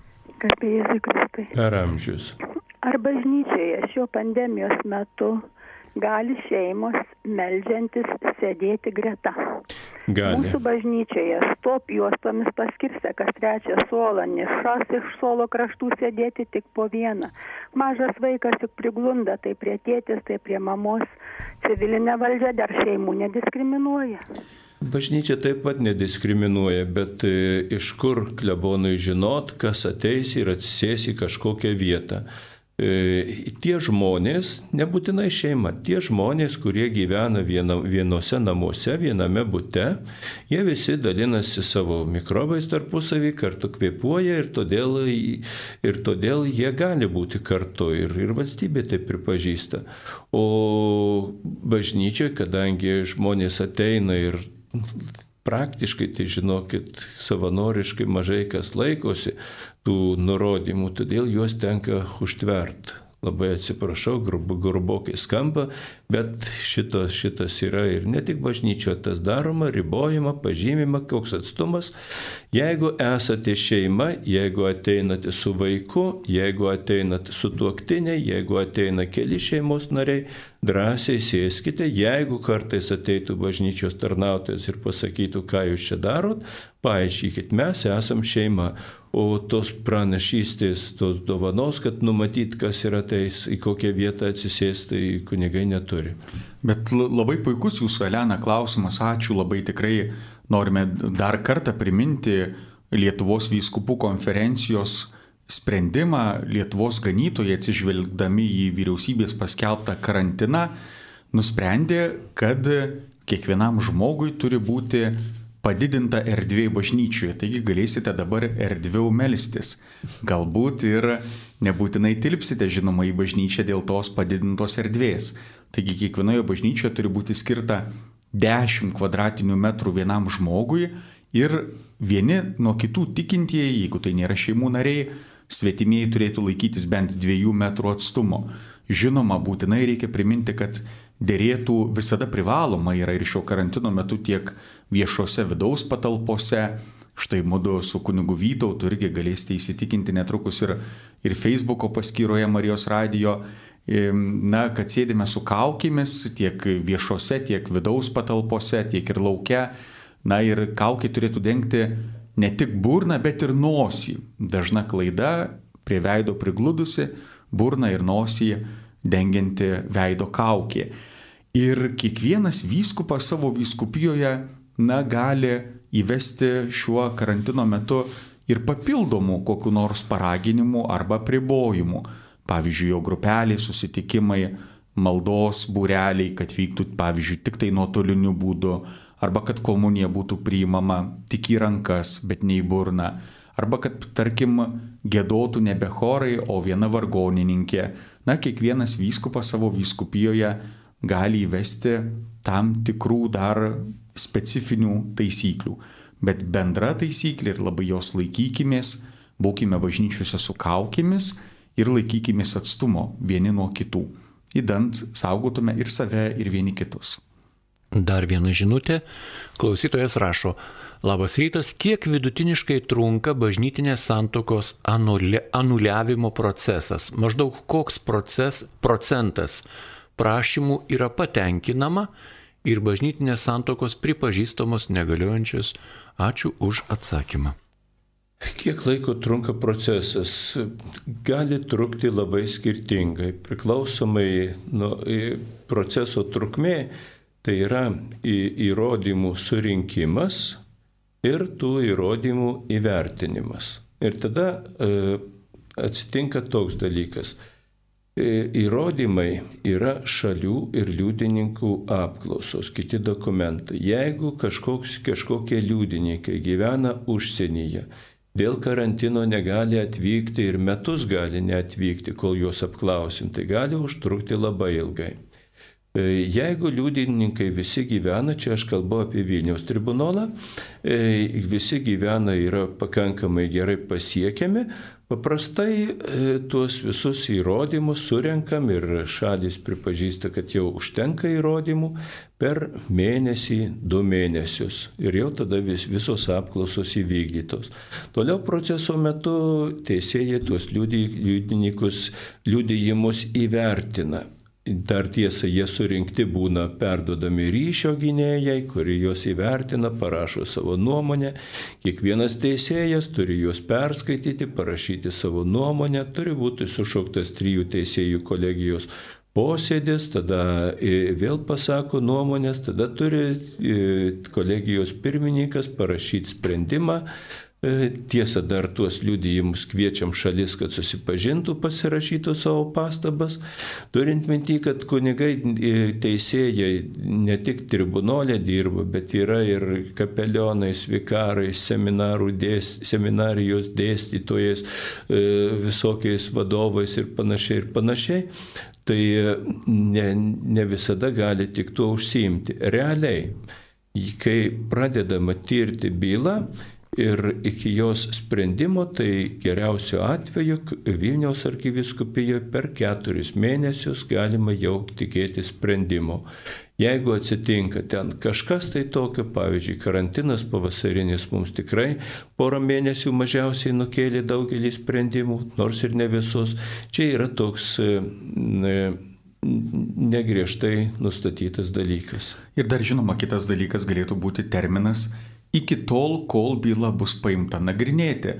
Pamenu, kol dar, kai tik dar pradėjau dirbti bažnytinėme teisme, kai kunigas Vytautas dar nedirbo ir tikrai mažai turėjome teisėjų, tuomet bent kokius trejus metus reikėdavo laukti, kol ta byla gulės lentynoje ir nieko neveiks, nes būdavo nagrinėjamos kitos bylos, dabar jau gausėjant tikrai teisėjų, tos bylos greičiau yra imamos, paimamos, na tai pavyzdžiui, bent jau Vilniaus arkivyskupijoje kokius 2-3 mėnesius reikia šiek tiek lukterėti nuo bylos atidavimo, pridavimo iki to laiko, kada jau jinai bus pradėta nagrinėti. Ačiū už terminų klausimą ir sulaukime dar klausytojo skambučio. Mums skambina Janė iš Ratničio švento apaštalo Baltramėjus bažnyčios, taigi gerbima Janė, užduokite klausimą. Taip, mane pas mane yra didelė nuoskauda.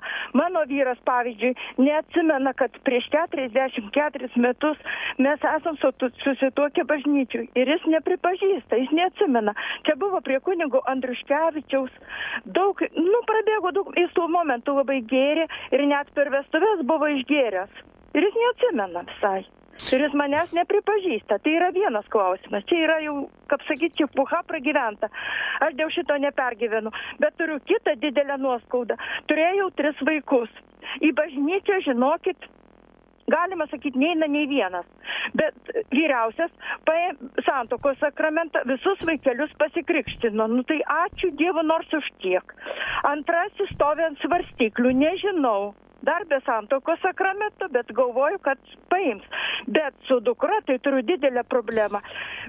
Šitą ištekėjo ir bažnytinė santoka ir nuo mažens buvo mokomi vaikai, visus sakramentus priėmė net sutvirtinimo. Ir dabar, žinokit, dukra nuo žento sužinojau, perėjo į Krišnos tikėjimą. Nu kokia man nuoskauda, baisu, nu jūs manim patikėkit ir jūs man atsakykit, ką, kaip aš turiu elgtis ir ką aš turiu daryti. Būkit geri. Mhm. Aš einu klausyti jūsų. Supratom. Atsak... Ačiū, dėkojame, Janė, tikrai. Ką dabar veikia jūsų vyras?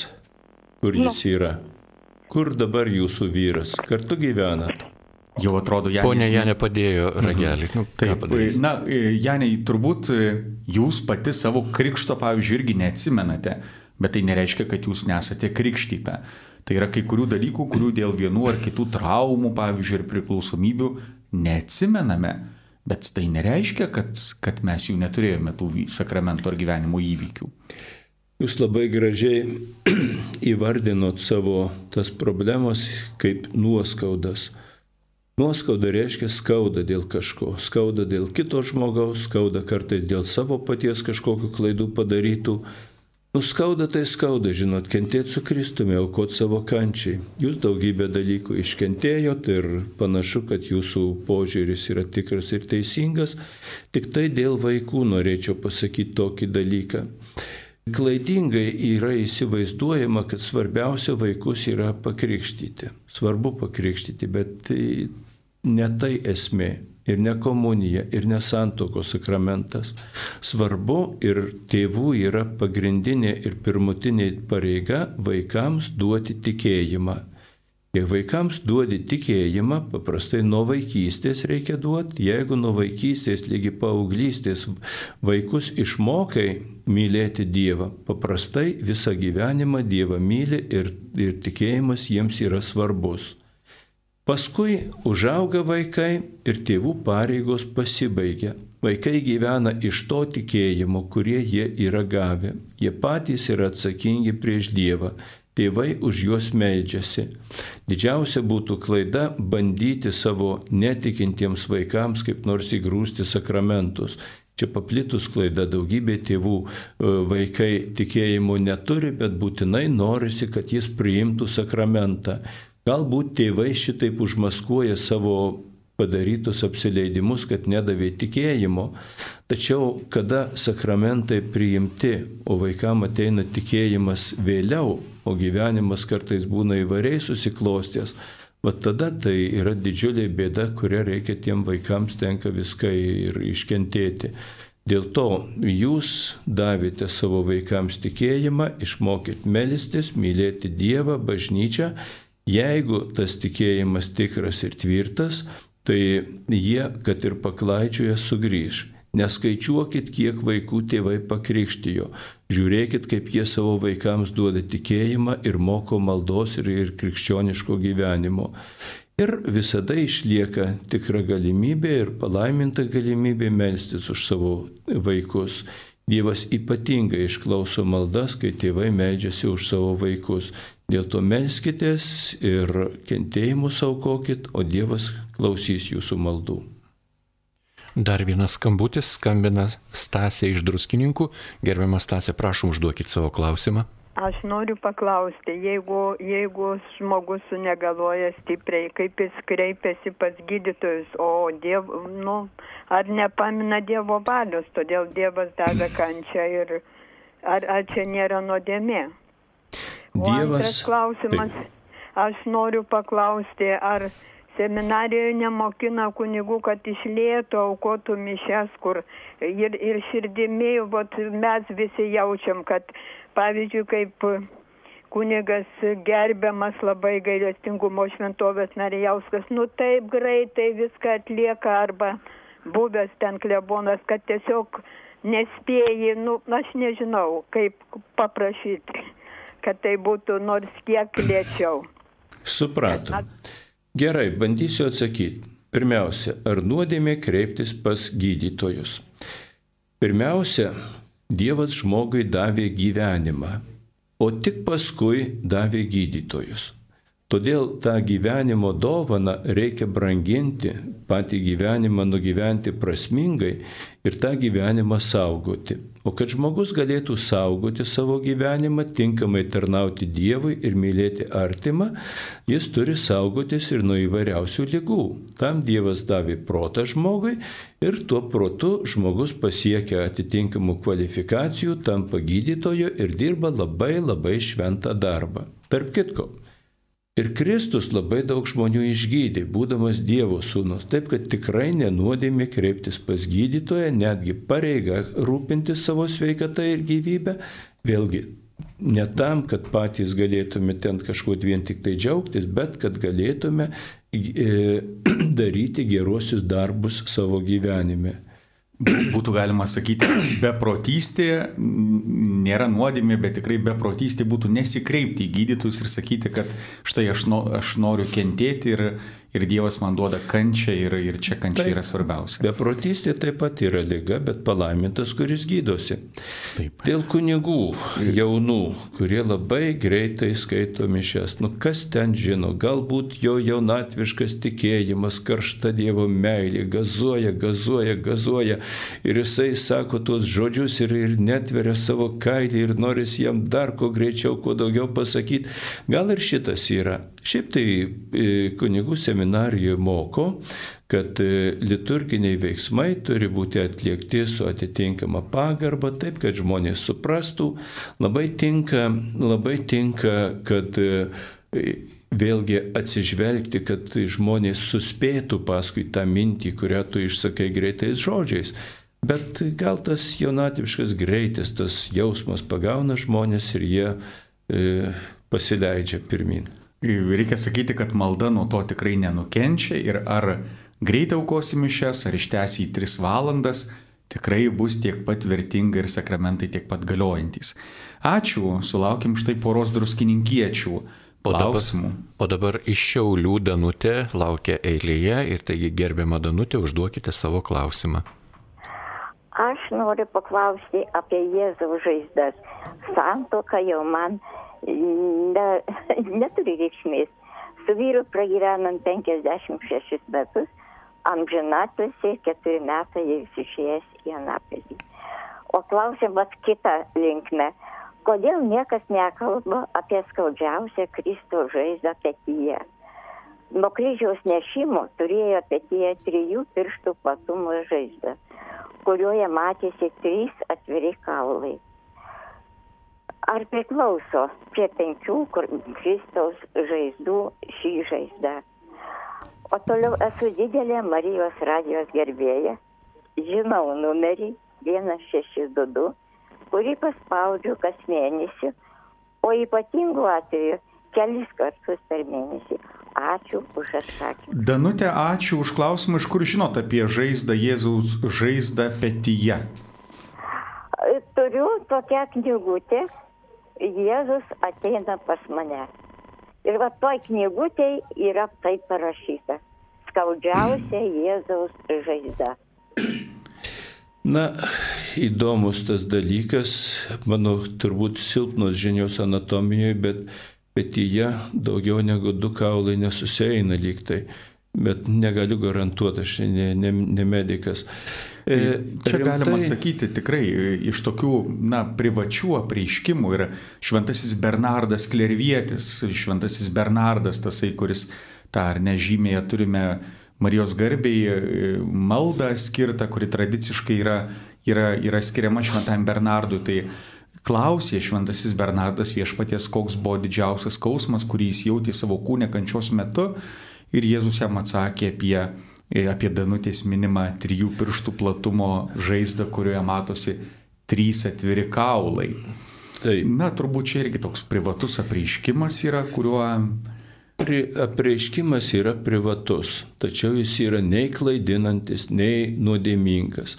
Ir žmonės Ir, mato ir, ne- ir nėra privalomas tas Ir apreiškimas. neprivalomas, jis tikrai nėra privalomas, bet jeigu paliečia tavo širdį ir jeigu tu jauti didesnę meilę, didesnį įkvėpimą, jeigu tu gali geriau melstis, tikrai reikia mąstyti ne pagal abecėlę ten iš telefonų knygos, bet tai, kas tave paliečia, kas tave veda tikėjimo keliu, kas tave moko užuojautos, supratimo ir, ir, ir kitų gerų dalykų. Dėl to tas pamaldumas į Jėzaus žaizdą petyje, jis tikrai naudingas tiems žmonėms, kurių širdis paliečia. Tikrai toji knygelė buvo išleista, daugybė žmonių praėjo, perskaitė ir jų neužkabino, bet jeigu palėtė jūsų širdį, jeigu jūs galit pasidalinti su kitais ir juos pakviesti šitam pamaldumui, tai yra nepaprastai gražu.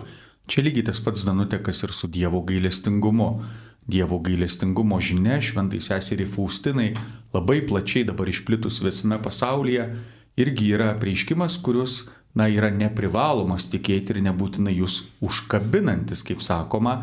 Na, jeigu jūs traukia ir jūsų maldą gilina Jėzaus pėties žaizdos pamaldumas, puiku. Svarbiausia artėti prie viešpaties. Ačiū Danutė. Mums paskambino Liongina iš Šiaulių viskupijos Klovainių parapijos. Taigi gerbiama Liongina, užduokit savo klausimą. Aš, gerbėsiu Kristui, aš norėjau sužinoti apie tokį dalyką, kad yra dvasinė pagava. Man atrodo, man yra tas nutikę. Bet kaip e, sužinoti, kaip vadinasi, nes e, klebonas irgi pamiršo mane. Aš ant lovos e, neskaityti negaliu, nei, nei, nei, niekur, nei, nei, niekur išeinu. Gal galėtumėte Liongina papasakoti apie dvasinę pagavą?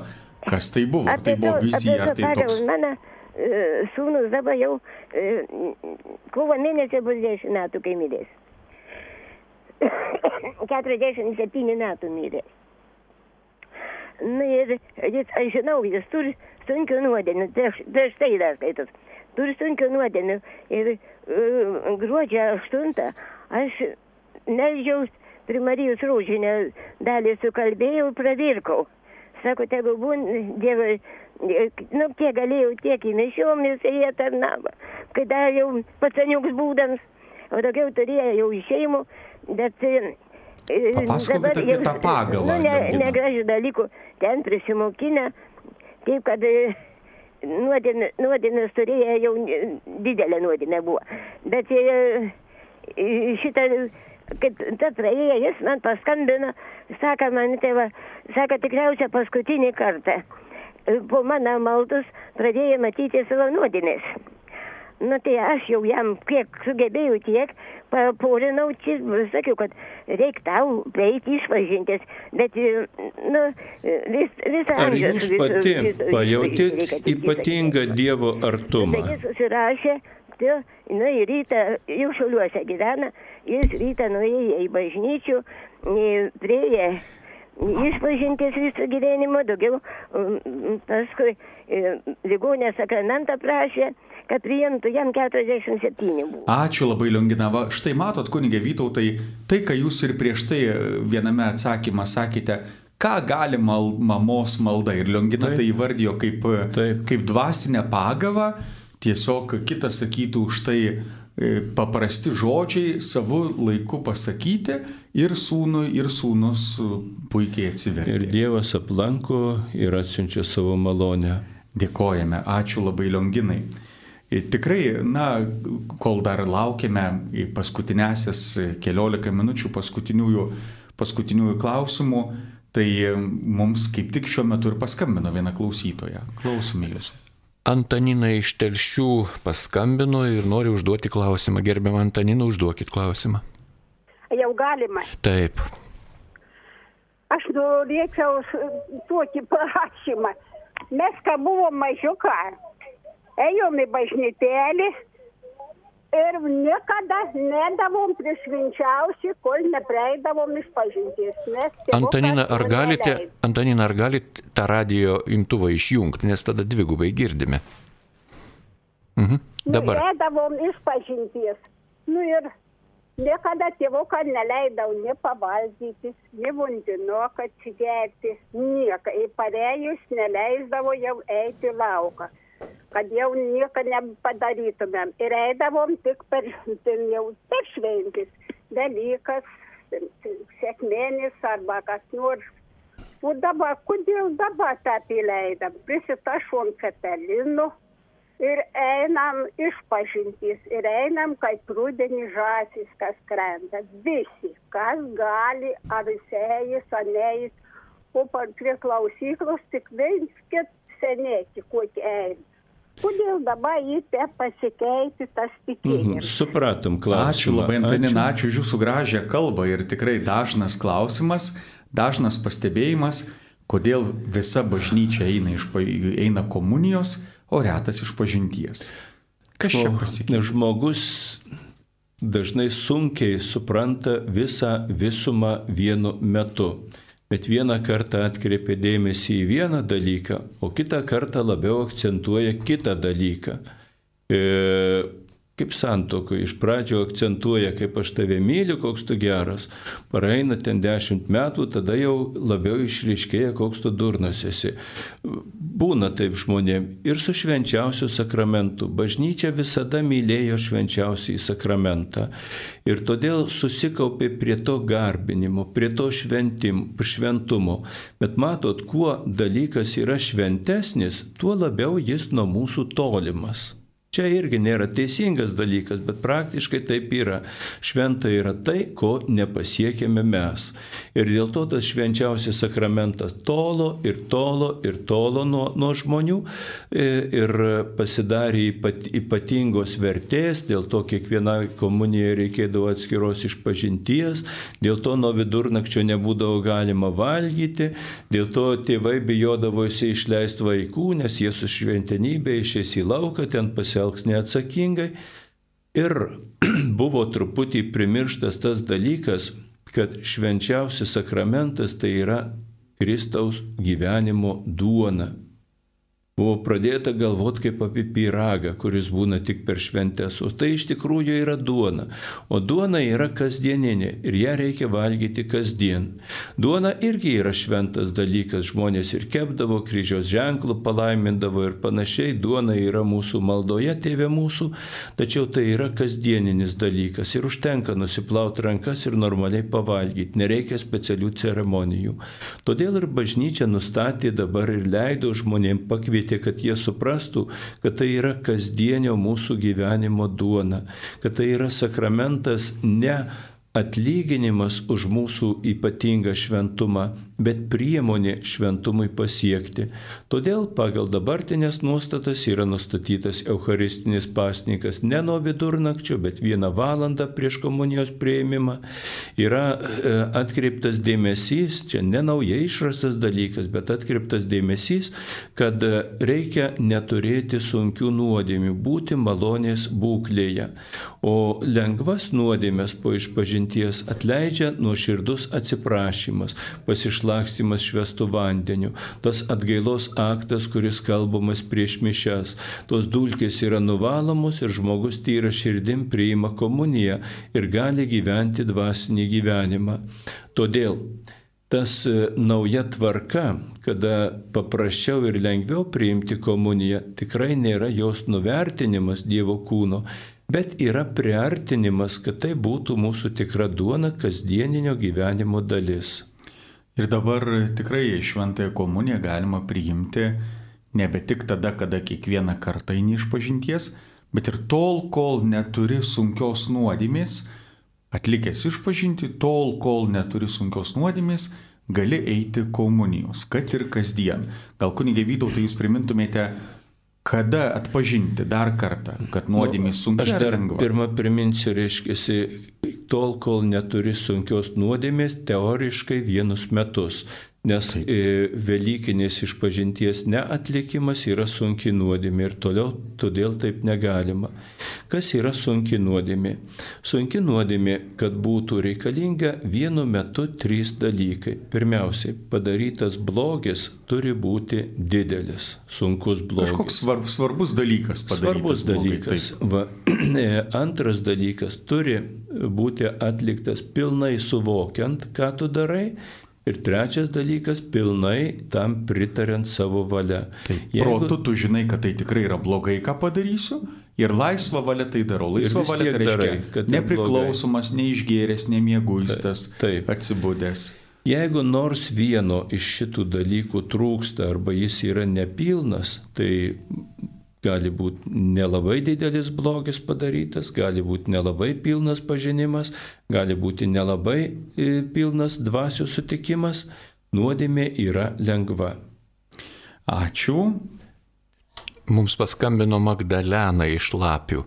Taigi, Magdalena, užduokit savo klausimą. Garbėjai Jėzui Kristui. Per amžius. Na, senokai čia viskas buvo, bet man vis tiek Magdalena, ar mus dar girdit? E, labai atsiprašysim, e, gerbiamas kunigė Mykolai, blogas ryšys, tai, na, Gal tada žinutę perskaitysiu. Jei yra priimta bažnytinė santoka ir yra vaikai, bet prieš santoką buvo nuslėptų dalykų, buvo nesažiningumo, ar ta santoka galiojanti. O santokiniai kol kas skirtis neketina. E, Jeigu sutuoktiniai skirtis neketina, tai santoka yra pripažįstama galiojančia ir jie teisėtai gyvena savo gyvenimą ir gali pilnai naudotis visomis bažnyčios dovanomis.